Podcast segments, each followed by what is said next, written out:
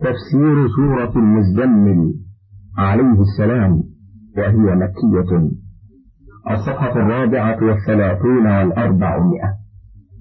قال الحافظ أبو بكر أحمد بن عمرو بن عبد الخالق البزار حدثنا محمد بن موسى القطان الواسطي حدثنا معلى بن عبد الرحمن حدثنا شريك عن عبد الله بن محمد بن عقيل عن جابر قال اجتمعت قريش في دار الندوة فقالوا سموا هذا الرجل اسما يسد الناس عنه. فقالوا كاهن. قالوا ليس بكاهن. قالوا مجنون. قالوا ليس بمجنون. قالوا ساحر. قالوا ليس بساحر. فتفرق المشركون على ذلك. فبلغ ذلك النبي صلى الله عليه وسلم فتزمل في ثيابه وتدثر فيها. فأتاه جبريل عليه السلام فقال يا أيها المزمل يا أيها المدثر. ثم قال البزار معلى ابن عبد الرحمن قد حدث عنه جماعة من أهل العلم. احتملوا حديثه لكنه تفرد بأحاديث لا يتابع عليها. بسم الله الرحمن الرحيم. يا أيها المزمل قم الليل إلا قليلا. نصفه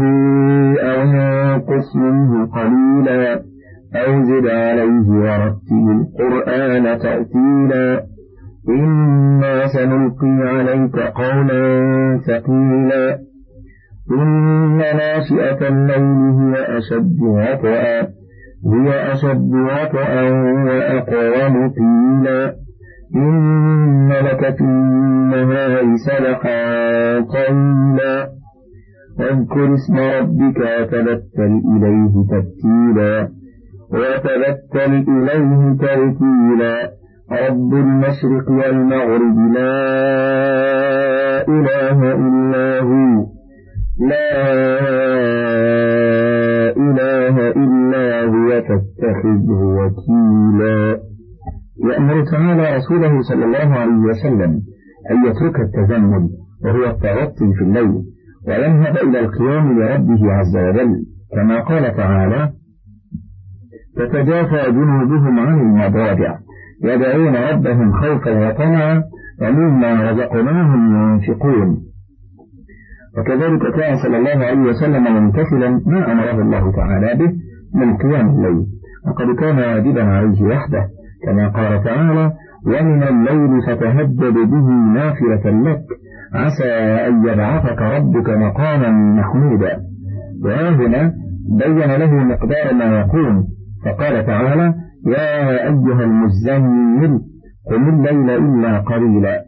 قال ابن عباس والضحاك والسدي يا أيها المزمل يعني يا أيها النائم وقال قتادة المزمل في ثيابه. وقال إبراهيم النخعي نزلت وهو متزمل بقطيفة. وقال شديد بن بشر عن عكرمة عن ابن عباس يا أيها المزمل قال يا محمد زمنت القرآن وقوله تعالى نصفه بدل من الليل أو انقص منه قليلا أو زد عليه. أي أمرناك أن تقوم نصف الليل بزيادة قليلة أو نقصان قليل لا حرج عليك في ذلك. وقوله تعالى ورتل القرآن ترتيلا أي اقرأه على تمهل فإنه يكون عونا على فهم القرآن وتدبره. وكذلك كان يقرأ صلوات الله وسلامه عليه. قالت عائشة رضي الله عنها كان يقرأ السورة فيرتلها حتى تكون أطول من أطول منها. وفي صحيح البخاري عن أنس أنه سئل عن قراءة رسول الله صلى الله عليه وسلم فقال كانت مدا ثم قرأ بسم الله الرحمن الرحيم. يمد بسم الله. ويمد الرحمن ويمد الرحيم.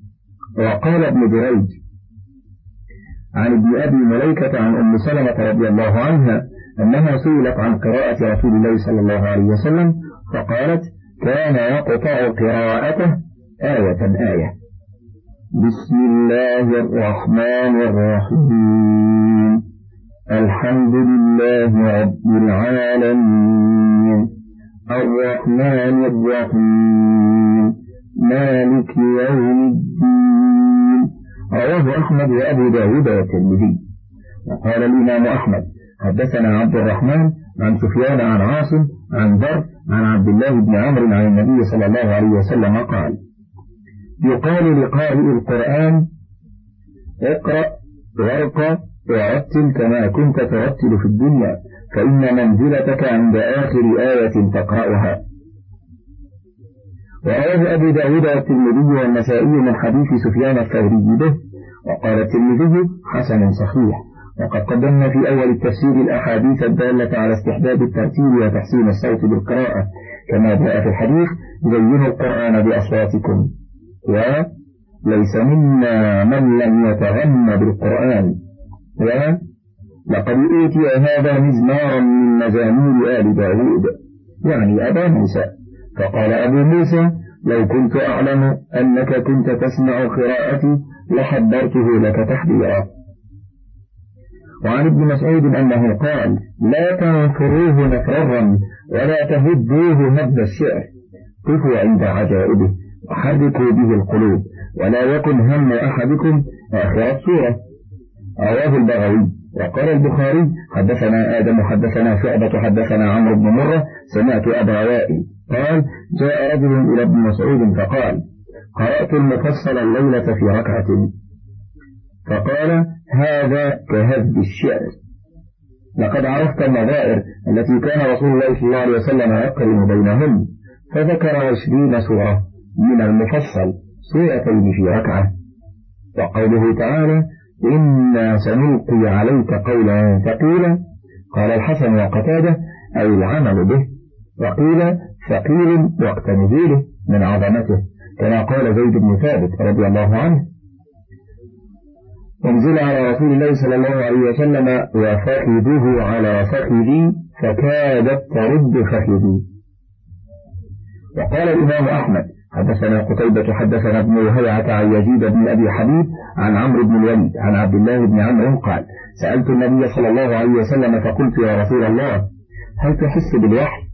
فقال رسول الله صلى الله عليه وسلم أسمع فلاصلا ثم أسكت عند ذلك. فما من مرة يوحى إلي إلا ظننت أن نفسي تقبض. ففرد به أحمد. وفي أول صحيح البخاري عن عبد الله بن يوسف عن مالك عن هشام عن أبيه عن عائشة رضي الله عنها أن الحارث بن هشام سأل رسول الله صلى الله عليه وسلم كيف يأتيك الوحي؟ فقال أحيانا يأتي في مثل صلصلة الجرس وهو أشده علي فيفصم عني وقد وعيت عنه ما قال. وأحيانا يتمثل لي الملك رجلا فيكلمني فأعي ما يقول. قالت عائشة ولقد رأيته ينزل عليه الوحي صلى الله عليه وسلم. في اليوم الشديد البرد فيفصم عنه وإن جبينه لا يتفصد عرقا هذا لفظه. وقال الإمام أحمد حدثنا سليمان بن داود أخبرنا عبد الرحمن عن هشام بن عروة عن أبيه عن عائشة رضي الله عنها قالت إن كان ليوحى إلى رسول الله صلى الله عليه وسلم وهو على راحلته فتضرب بدرانها وقال ابن جرير حدثنا ابن عبد الأعلى حدثنا ابن ثور عن معمر عن هشام بن عروة عن أبيه أن النبي صلى الله عليه وسلم كان إذا أوحي إليه وهو على ناقته وضع جيرانها فلا تستطيع أن تحرك حتى يسرى عنه وهذا مرسل. الجيران هو باطن العنق واختار ابن جرير أنه ثقيل من الوجهين مع كما قال عبد الرحمن بن زيد بن أسلم كما ثقل في الدنيا ثقل يوم القيامة في الموازين.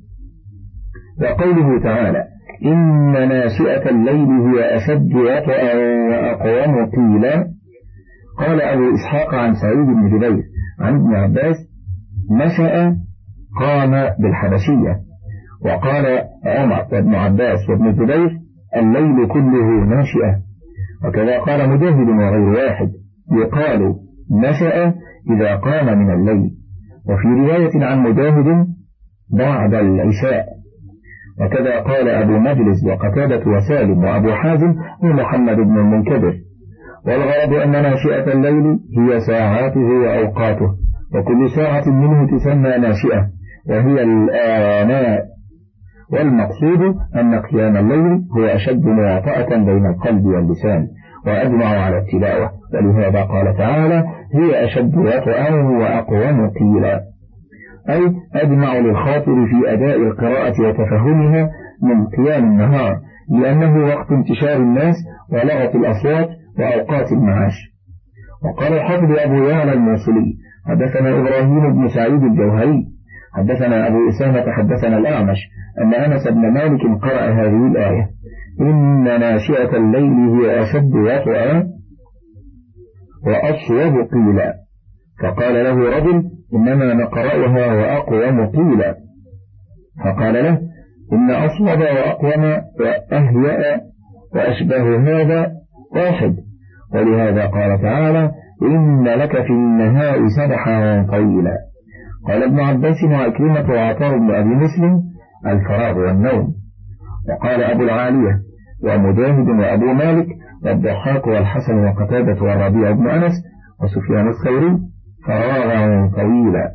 وقال قتادة فراغا وبغية ومتقلبا.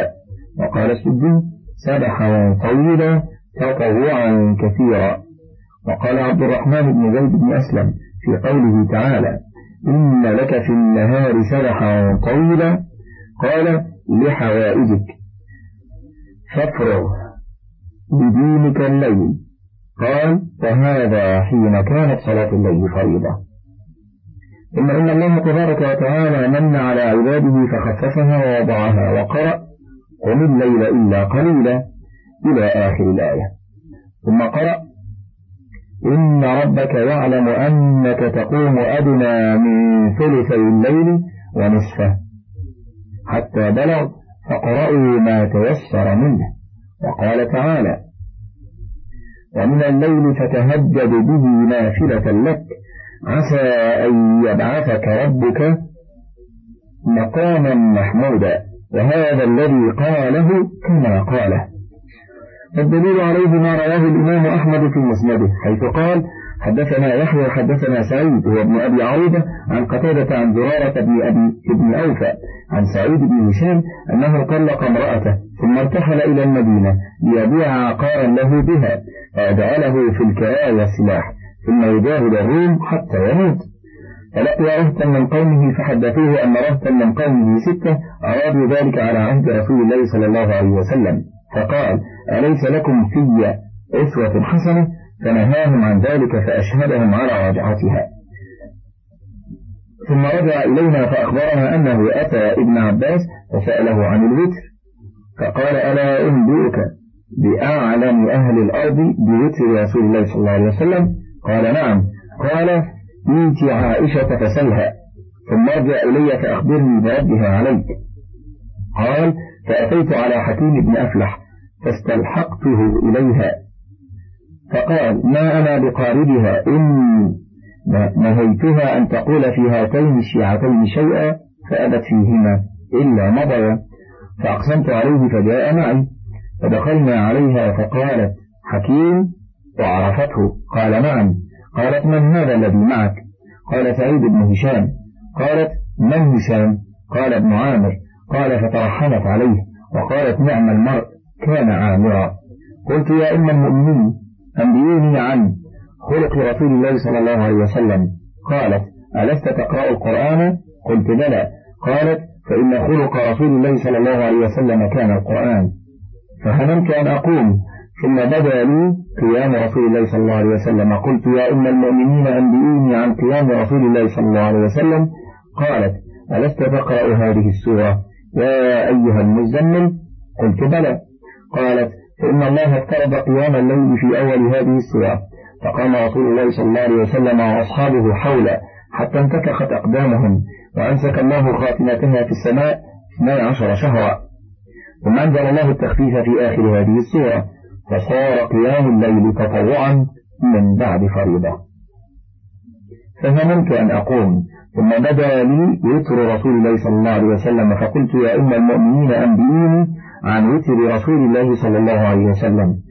قالت كنا نعد له سواكه وطهوره فيبعثه الله لما شاء يبعثه من الليل فيتسوك ثم يتوضأ ثم يصلي ثمان ركعات لا يجلس فيهن إلا عند الثامنة فيجلس ويذكر ربه تعالى ويدعو ثم ينهض وما يسلم ثم يقوم ليصلي التاسعة. ثم يقعد فيذكر الله وحده. ثم يدعوه ثم يسلم تسليما يسمعنا. ثم يصلي ركعتين وهو جالس بعدما يسلم. فتلك إحدى عشرة ركعة يا بني. فلما أسن رسول الله صلى الله عليه وسلم وأخذه اللحم أوتر بسبع ثم صلى ركعتين وهو جالس بعدما يسلم فتلك تسع يا بني. وكان رسول الله صلى الله عليه وسلم إذا صلى صلاة أحب أن يداوم عليها. وكان إذا شغله عن قيام الليل نوم أو وجع أو مرض صلى من النهار ثنتي عشرة ركعة. ولا أعلم نبي الله صلى الله عليه وسلم قرأ القرآن كله في ليلة حتى أصبح. ولا صام شهرا كاملا غير رمضان. فأتيت ابن عباس فحدثته بحديثها فقال صدقت. أنا لو كنت أدخل عليها لأتيتها حتى تشافهني مشافهة. هكذا رواه الإمام أحمد بتمامه. وقد أخرجه مسلم في صحيحه من حديث قتادة بنحوه. طريق أخرى عن عائشة رضي الله عنها في هذا المعنى. قال ابن جرير حدثنا ابن وكيع حدثنا زيد بن الحباب وحدثنا ابن حميد حدثنا مهران قال جميعا واللفظ لابن وكيع.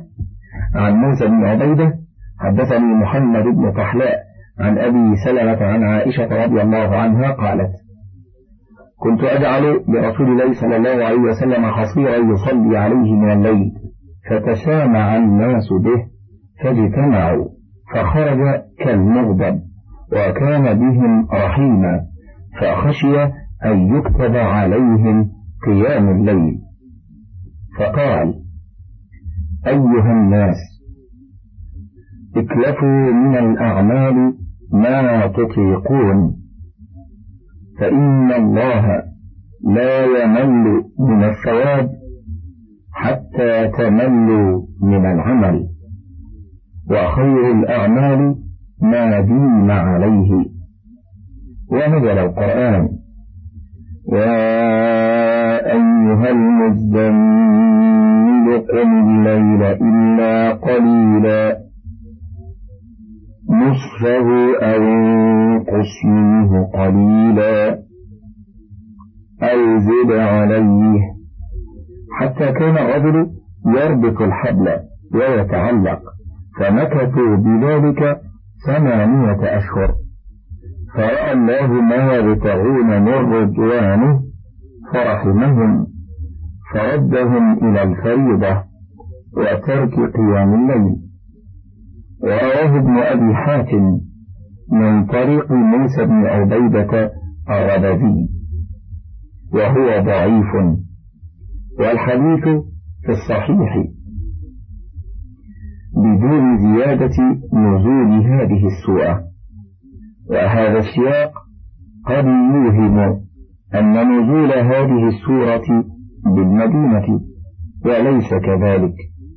وإنما هي مكية وقوله في هذا السياق إن بين نزول أولها وآخرها ثمانية أشهر غريب. فقد تقدم في رواية أحمد أنه كان بينهما سنة.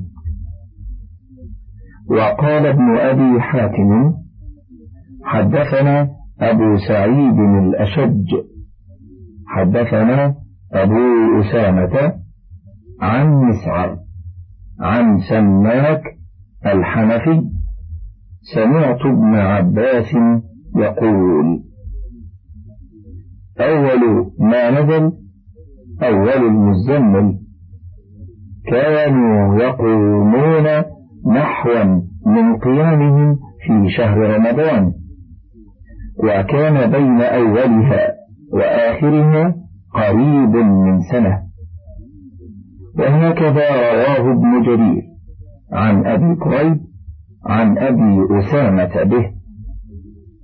وقال الثوري ومحمد بن بشر العربي كلاهما عن مسعى عن سماك عن ابن عباس كان بينهما سنة. وروى ابن جرير عن أبي كريب عن وكيع عن إسرائيل عن سماك عن عكرمة عن ابن عباس مثله.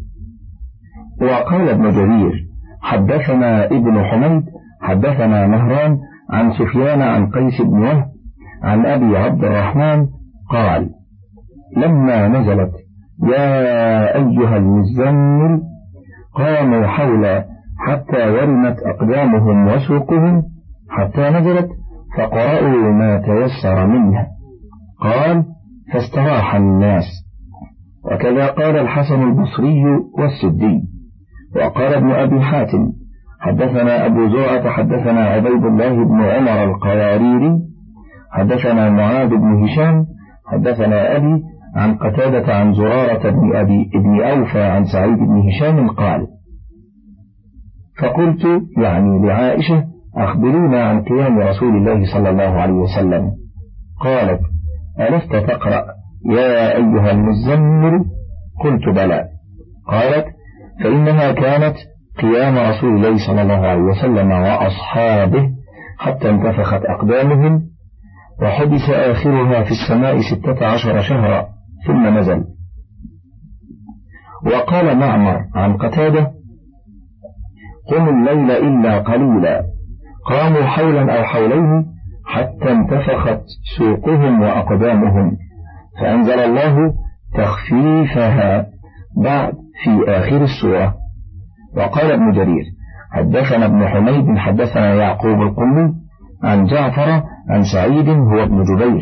قال لما أنزل الله تعالى على نبيه صلى الله عليه وسلم يا أيها المزمل قال مكث النبي صلى الله عليه وسلم على هذه الحال عشر سنين يقوم الليل كما أمره. وكانت طائفة من أصحابه يقومون معه. فأنزل الله تعالى عليه بعد عشر سنين إن ربك يعلم أنك تقوم أدنى من ثلثي الليل ونصفه وثلثه وطائفة من الذين معك. إلى قوله تعالى وأقيموا الصلاة. فخفف الله تعالى عنهم بعد عشر سنين. ورواه ابن أبي حاتم عن أبيه عن عمرو بن رافع عن يعقوب القمي به. وقال علي بن أبي طلحة عن ابن عباس في قوله تعالى قم الليل إلا قليلا نصفه أو انقص منه قليلا. فشق ذلك على المؤمنين ثم خفف الله تعالى عنهم ورحمهم فأنزل بعد هذا علم أن سيكون منكم مرضى وآخرون. وآخرون يضربون في الأرض يبتغون من فضل الله. إلى قوله تعالى فقرأوا ما تيسر منه فوسع الله تعالى وله الحمد ولم يضيق. وقوله تعالى واذكر اسم ربك وتبتل إليه تبتيلا أي أكثر من ذكره وانقطع إليه. وتفرغ لعبادته إذا فرغت من أشغالك وما تحتاج إليه من أمور دنياك كما قال تعالى فإذا فرغت فانصب أي إذا فرغت من أشغالك فانصب في طاعته وعبادته لتكون فارغ البال. قاله ابن زيد بمعناه أو قريب منه. قال ابن عباس ومجاهد وأبو صالح وعطية والضحاك والسدي وتبتل إليه تبتيلا أي أخلص له العبادة. وقال الحسن اجتهد وابتل إليه نفسك. وقال ابن جرير يقال للعابد متبتل. ومنه الحديث المروي نهى عن التبتل يعني الانقطاع إلى العبادة وترك التزوج. وقوله تعالى رب المشرق والمغرب لا إله إلا هو فاتخذه وكيلا. أي هو المالك المتصرف في المشارق والمغارب الذي لا إله إلا هو. وكما أفردته بالعبادة فأفرده بالتوكل فاتخذه وكيلا. كما قال تعالى في الآية الأخرى فاعبده وتوكل عليه. وكقوله إياك نعبد وإياك نستعين. وآيات كثيرة في هذا المعنى. فيها الأمر بإفراد العبادة والطاعة لله وتخصيصه بالتوكل عليه. واصبر على ما يقولون واهجرهم هجرا جميلا. وذرني والمكذبين أولي النعمة ومهلهم قليلا. إن لدينا أنكالا وجحيما. وطعاما ذا غصة وعذابا أليما. يوم ترجف الأرض والجبال وكانت الجبال كثيبا مهيلا. إنا أرسلنا إليكم رسولا شاهدا عليكم شاهدا عليكم كما أرسلنا إلى فرعون رسولا. فعصى فرعون الرسول فأخذناه أخذا وبيلا. فكيف تتقون إن كفرتم يوما يجعل الولدان شيبا؟ السماء منفطر به. كان وعده مفعولا. يقول تعالى آمر رسوله صلى الله عليه وسلم بالصبر على ما يقوله من كذبه من سفهاء قومه وأن يهجرهم هجرا جميلا وهو الذي لا عتاب معه. ثم قال له متهددا لكفار قومه ومتواعدا وهو العظيم الذي لا يقوم لغضبه شيء. وذرني والمكذبين أولي النعمة. أي دعني والمكذبين المترفين أصحاب الأموال فإنهم على الطاعة أقدر من غيرهم وهم يطالبون من الحقوق بما ليس عند غيرهم. ومهلهم قليلا أي رويدا كما قال تعالى نمتعهم قليلا ثم نضطرهم إلى عذاب غليظ. ولهذا قال ها هنا إن لدينا أنكالا وهي القيود. قاله ابن عباس وعكرمة وطائس ومحمد بن كعب وعبد الله بن بريدة وأبو عمران الجوني وأبو مجلس والضحاك وحماد بن أبي سليمان وقتادة والسدي وابن المبارك والثوري وغير واحد. وجحيم وهي السعير المقترمة وطعاما ذا غصة. قال ابن عباس ينشب في الحلق فلا يدخل ولا يخرج. وعذابا أليما يوم ترجف الأرض والجبال أي تزلزل. وكانت الجبال كثيبا مهيلا أي تصير ككثبان الرمل بعدما كانت حجارة صماء. ثم إنها تنسف نسفا فلا يبقى منها شيء إلا ذهب. حتى تصير الأرض قاعا صفصفا لا ترى فيها عوجا أي واديا ولا أنت أي رابية ومعناه لا شيء ينخفض ولا شيء يرتفع. ثم قال تعالى مخاطبا لكفار قريش هو المراد سائر الناس؟ إنا أرسلنا إليكم رسولا شاهدا عليكم أي بأعمالكم كما أرسلنا إلى فرعون رسولا. فعصى فرعون الرسول فأخذناه أخذا وبيلا. قال ابن عباس ومجاهد وقتادة والسدي والثوري أخذا وبيلا أي شديدا. أي فاحذروا أنتم أن تكذبوا هذا الرسول فيصيبكم ما أصاب فرعون. حيث أخذه الله أخذ عزيز مقتدر.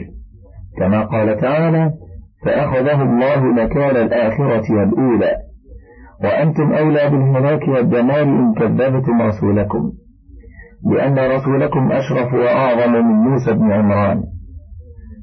فيروى عن ابن عباس ومجاهد وقوله تعالى فكيف تتقون إن كفرتم يوما يجعل الولدان شيبا يحتمل أن يكون يوما معمولا لتتقوا كما حكاه ابن جرير عن قراءة ابن مسعود. فكيف تخافون أيها الناس؟ يوما يجعل الولدان شيبا إن كفرتم بالله ولم تصدقوا به ويحتمل أن يكون معمولا لكفرتم. فعلى الأولى كيف يحصل لكم أمان من يوم هذا الفزع العظيم؟ إن كفرتم. وعلى الثاني كيف يحصل لكم تقوى؟ إن كفرتم يوم القيامة وجحدتموه. وكلاهما معنى حسن. ولكن الأول أولى والله أعلم. ومعنى قوله يوما يجعل الود نشيبا أي من شدة أهواله وزلازله وبلادله وذلك حين يقول الله تعالى لآدم ابعث بعث النار. فيقول من كم؟ فيقول من كل ألف تسعمائة وتسعة وتسعون إلى النار وواحد إلى الجنة. قال الطبراني حدثنا يحيى بن أيوب العلاف حدثنا سعيد بن أبي مريم حدثنا نافع بن يزيد حدثنا عثمان بن عطاء الخراساني عن أبيه عن أكرمة عن ابن عباس رضي الله عنهما أن رسول الله صلى الله عليه وسلم قال يوما يجعل الولدان شيبا قال ذلك يوم القيامة وذلك يوم يقول الله لآدم قم فابعث من ذريتك بعثا إلى النار قال من كم يا ربي؟ قال من كل ألف تسعمائة وتسعة وتسعون وينجو واحد فاشتد ذلك على المسلمين وعرف ذلك رسول الله صلى الله عليه وسلم ثم قال حين أبصر ذلك في وجوههم إن بني آدم كثير وإن يأجوج ومأجوج من ولد آدم وإنه لا يموت منهم رجل حتى ينتشر لصلبه ألف رجل ففيهم وفي أشباههم جنة لكم. هذا حديث غريب. وقد تقدم في أول سورة الحج ذكر هذه الأحاديث. وقوله تعالى السماء منفطر به. قال الحسن وقتاده أي بسببه من شدته وهوله. ومنهم من يعيد الضمير على الله تعالى.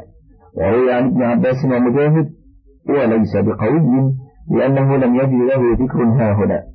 وقوله تعالى كان وعده مفعولا أي كان وعد هذا اليوم مفعولا. أي واقعا لا محالة وكائنا لا محيد عنه. إن هذه تذكرة فمن شاء اتخذ إلى ربه سبيلا. إن ربك يعلم أنك تقوم أدنى من ثلثي الليل ونصفه وثلثه ونصفه وثلثه وطائفة من الذين معك والله يقدر الليل والنهار. علم أن لن تحصوه فتاب عليكم فقرأوا فقرأوا ما تيسر من القرآن. علم أن سيكون منكم مرضى وآخرون. وآخرون يضربون في الأرض يبتغون من فضل الله.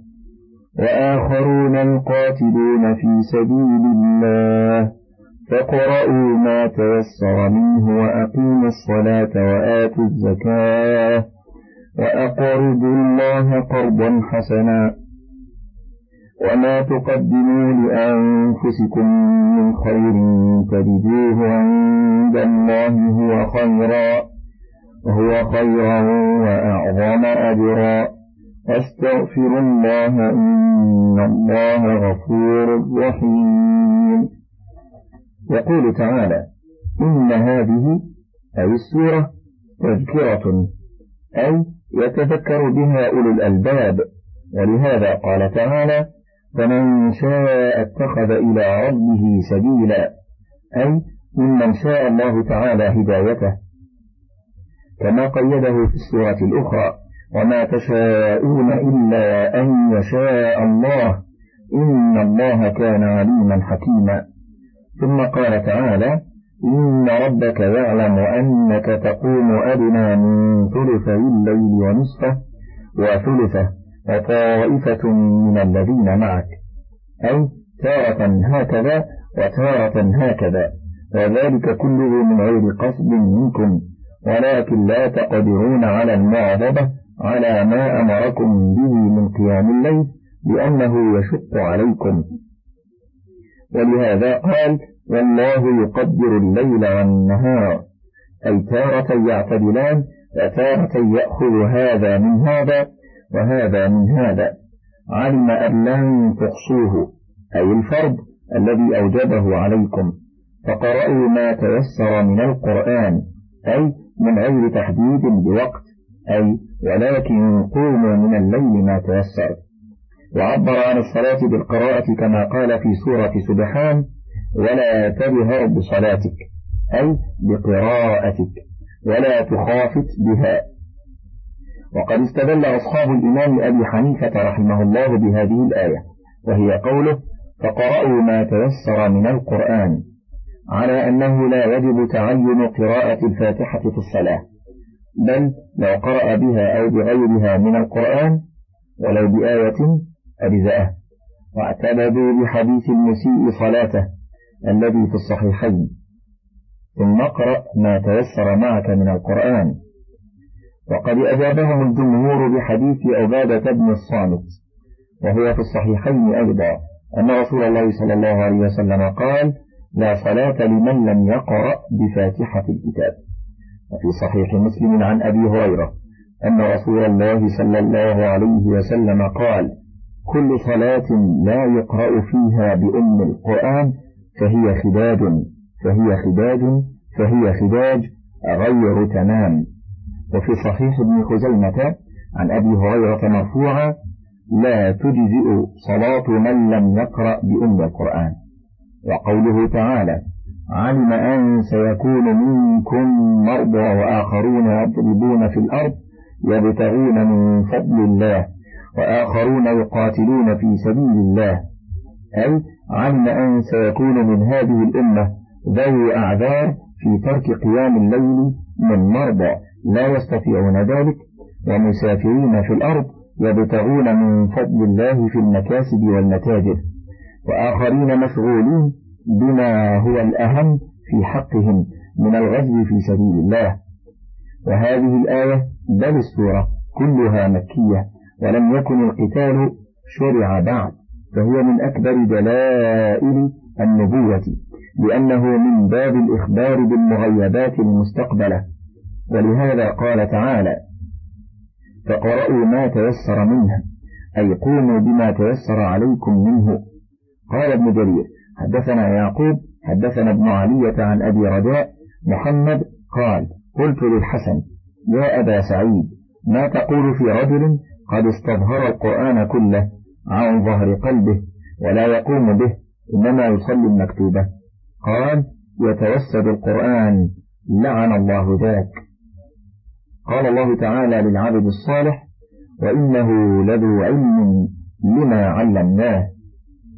وعلمتم ما لم تعلموا أنتم ولا آباؤكم قلت يا أبا سعيد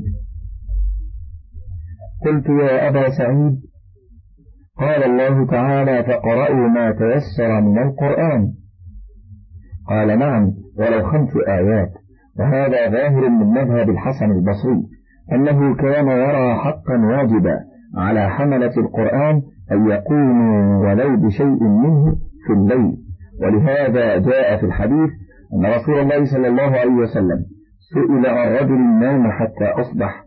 فقال ذاك رجل بال الشيطان في أذنه. فقيل معناه نام عن المكتوبة. وقيل عن قيام الليل. وفي السنن أوتروا يا أهل القرآن. وفي الحديث الآخر من لم يوتر فليس منا. وأغرب من هذا ما حكي عن أبي بكر بن عبد العزيز من الحنابلة من إيجابه قيام شهر رمضان فالله أعلم. وقال الطبراني حدثنا أحمد بن سعيد فرقد الحدرد. حدثنا أبو أحمد محمد بن يوسف الزبيدي. حدثنا عبد الرحمن عن محمد بن عبد الله بن طاوس من ولد طاوس عن أبيه عن طاوس عن ابن عباس عن النبي صلى الله عليه وسلم فقرأوا ما تيسر منه. قال مئة آية.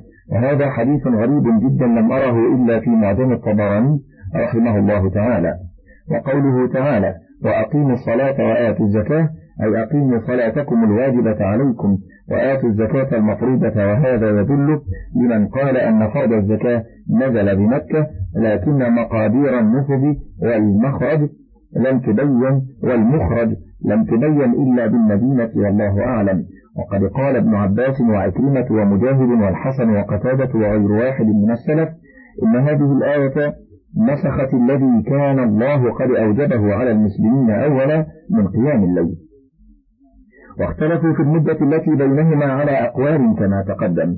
وقد ثبت في الصحيحين أن رسول الله صلى الله عليه وسلم قال لذلك الرجل خمس صلوات في اليوم والليلة. قال هل علي غيرها؟ قال لا. إلا أن تطوع وقوله تعالى وأقرضوا الله قرضا حسنا يعني من الصدقات. فإن الله يجازي على ذلك أحسن الجزاء وأوفره كما قال تعالى من ذا الذي يقرض الله قرضا حسنا فيضاعفه له أضعافا كثيرة. وقوله تعالى وما تقدموا لأنفسكم من خير تجدوه عند الله هو خيرا وأعظم أجرا. أي جميع ما تقدموه بين أيديكم فهو لكم حاصل وهو خير مما أبقيتموه لأنفسكم في الدنيا. وقال الخاطب أبو يعلى الموصلي حدثنا أبو خيثمة حدثنا جرير عن الأعمش عن إبراهيم عن الحارث بن سويد قال قال عبد الله قال رسول الله صلى الله عليه وسلم أيكم ماله أحب إليه من مال وارثه؟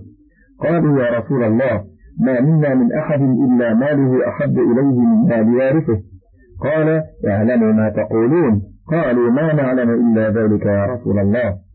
قال إنما مال أحدكم ما قدم ومال وارثه ما أخر.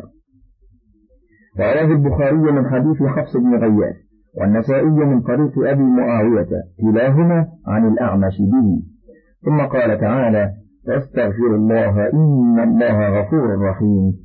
أي أكثروا من ذكره واستغفاره في أموركم كلها فإنه غفور رحيم لمن استغفره. آخر تفسير سورة المزمل. ولله الحمد والمنة.